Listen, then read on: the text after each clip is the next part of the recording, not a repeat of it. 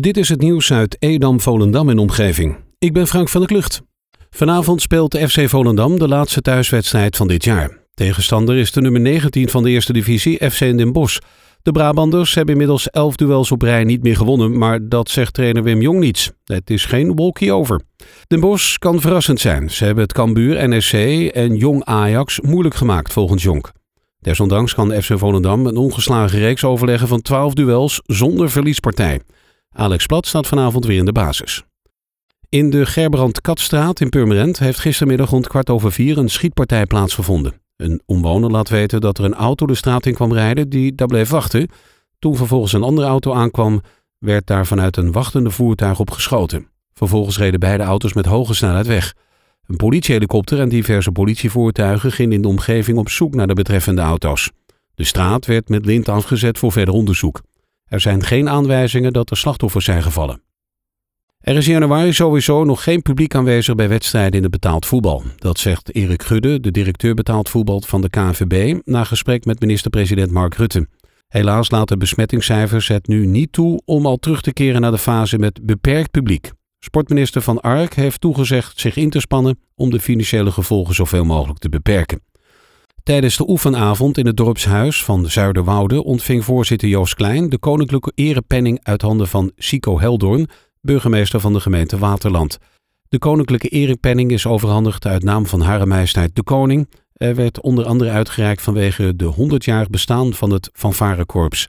Verder is het korps een actieve vereniging in het dorp Zuiderwoude met een mooie historie en veel leden en vrijwilligers uit deze kleine gemeenschap.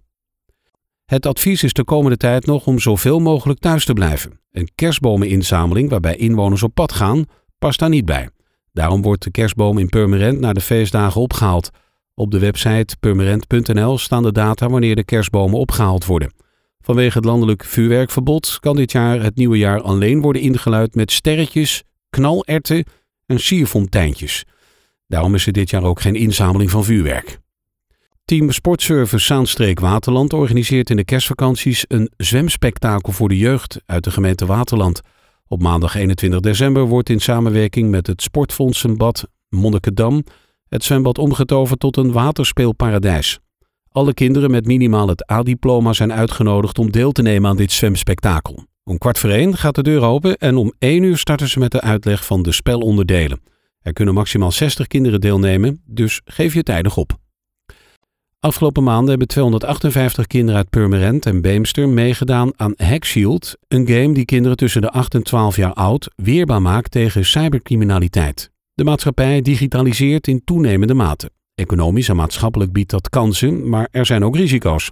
Via dit spel werden kinderen opgeleid tot ware cyberagents die zichzelf en hun omgeving kunnen beschermen tegen online gevaar. Het spel is ontwikkeld omdat digitale veiligheid vaak ontbreekt in de opvoeding van jongeren terwijl hun leven zich steeds meer online afspeelt. Het jaar 2020 had voor Volendammers Jan en Mike Tol een groot zakelijk succes moeten worden. Met het EK 2020 in het verschiet was de vraag naar hun voetbalreizen groot, maar door corona zagen de vrienden de Gouden Berg als sneeuw voor de zon verdwijnen. Ondanks de moeilijke periode zette het team de schouders eronder en ontwikkelde een coronaproef alternatief. Voetbalbrein, een bordspel met kennisvragen over voetbal. Als het spel een succes wordt, komen er nieuwe varianten, waaronder een internationale versie. De kinderen van groepen 7 en 8 van alle tiende basisscholen in Waterland kregen deze week digitaal les over vuurwerk. HALT organiseerde de voorlichting over het vuurwerk. De video startte met een welkomstwoord van burgemeester Sico Heldoorn en kinderburgemeester Bibi Meister. Door middel van een quiz werden de kinderen duidelijk gemaakt wat er wel en niet kan. Jeroen Zonneveld van de politie verzorgde het slot van de presentatie en benadrukte nog eens dat het vuurwerkverbod er is om de zorg te ontzien, omdat zij niet de drukte van vuurwerkslachtoffers erbij willen hebben. Tot zover het nieuws uit Edam, Volendam en omgeving. Meer lokaal nieuws vindt u op de Love Kabelkrant, onze website of in de app.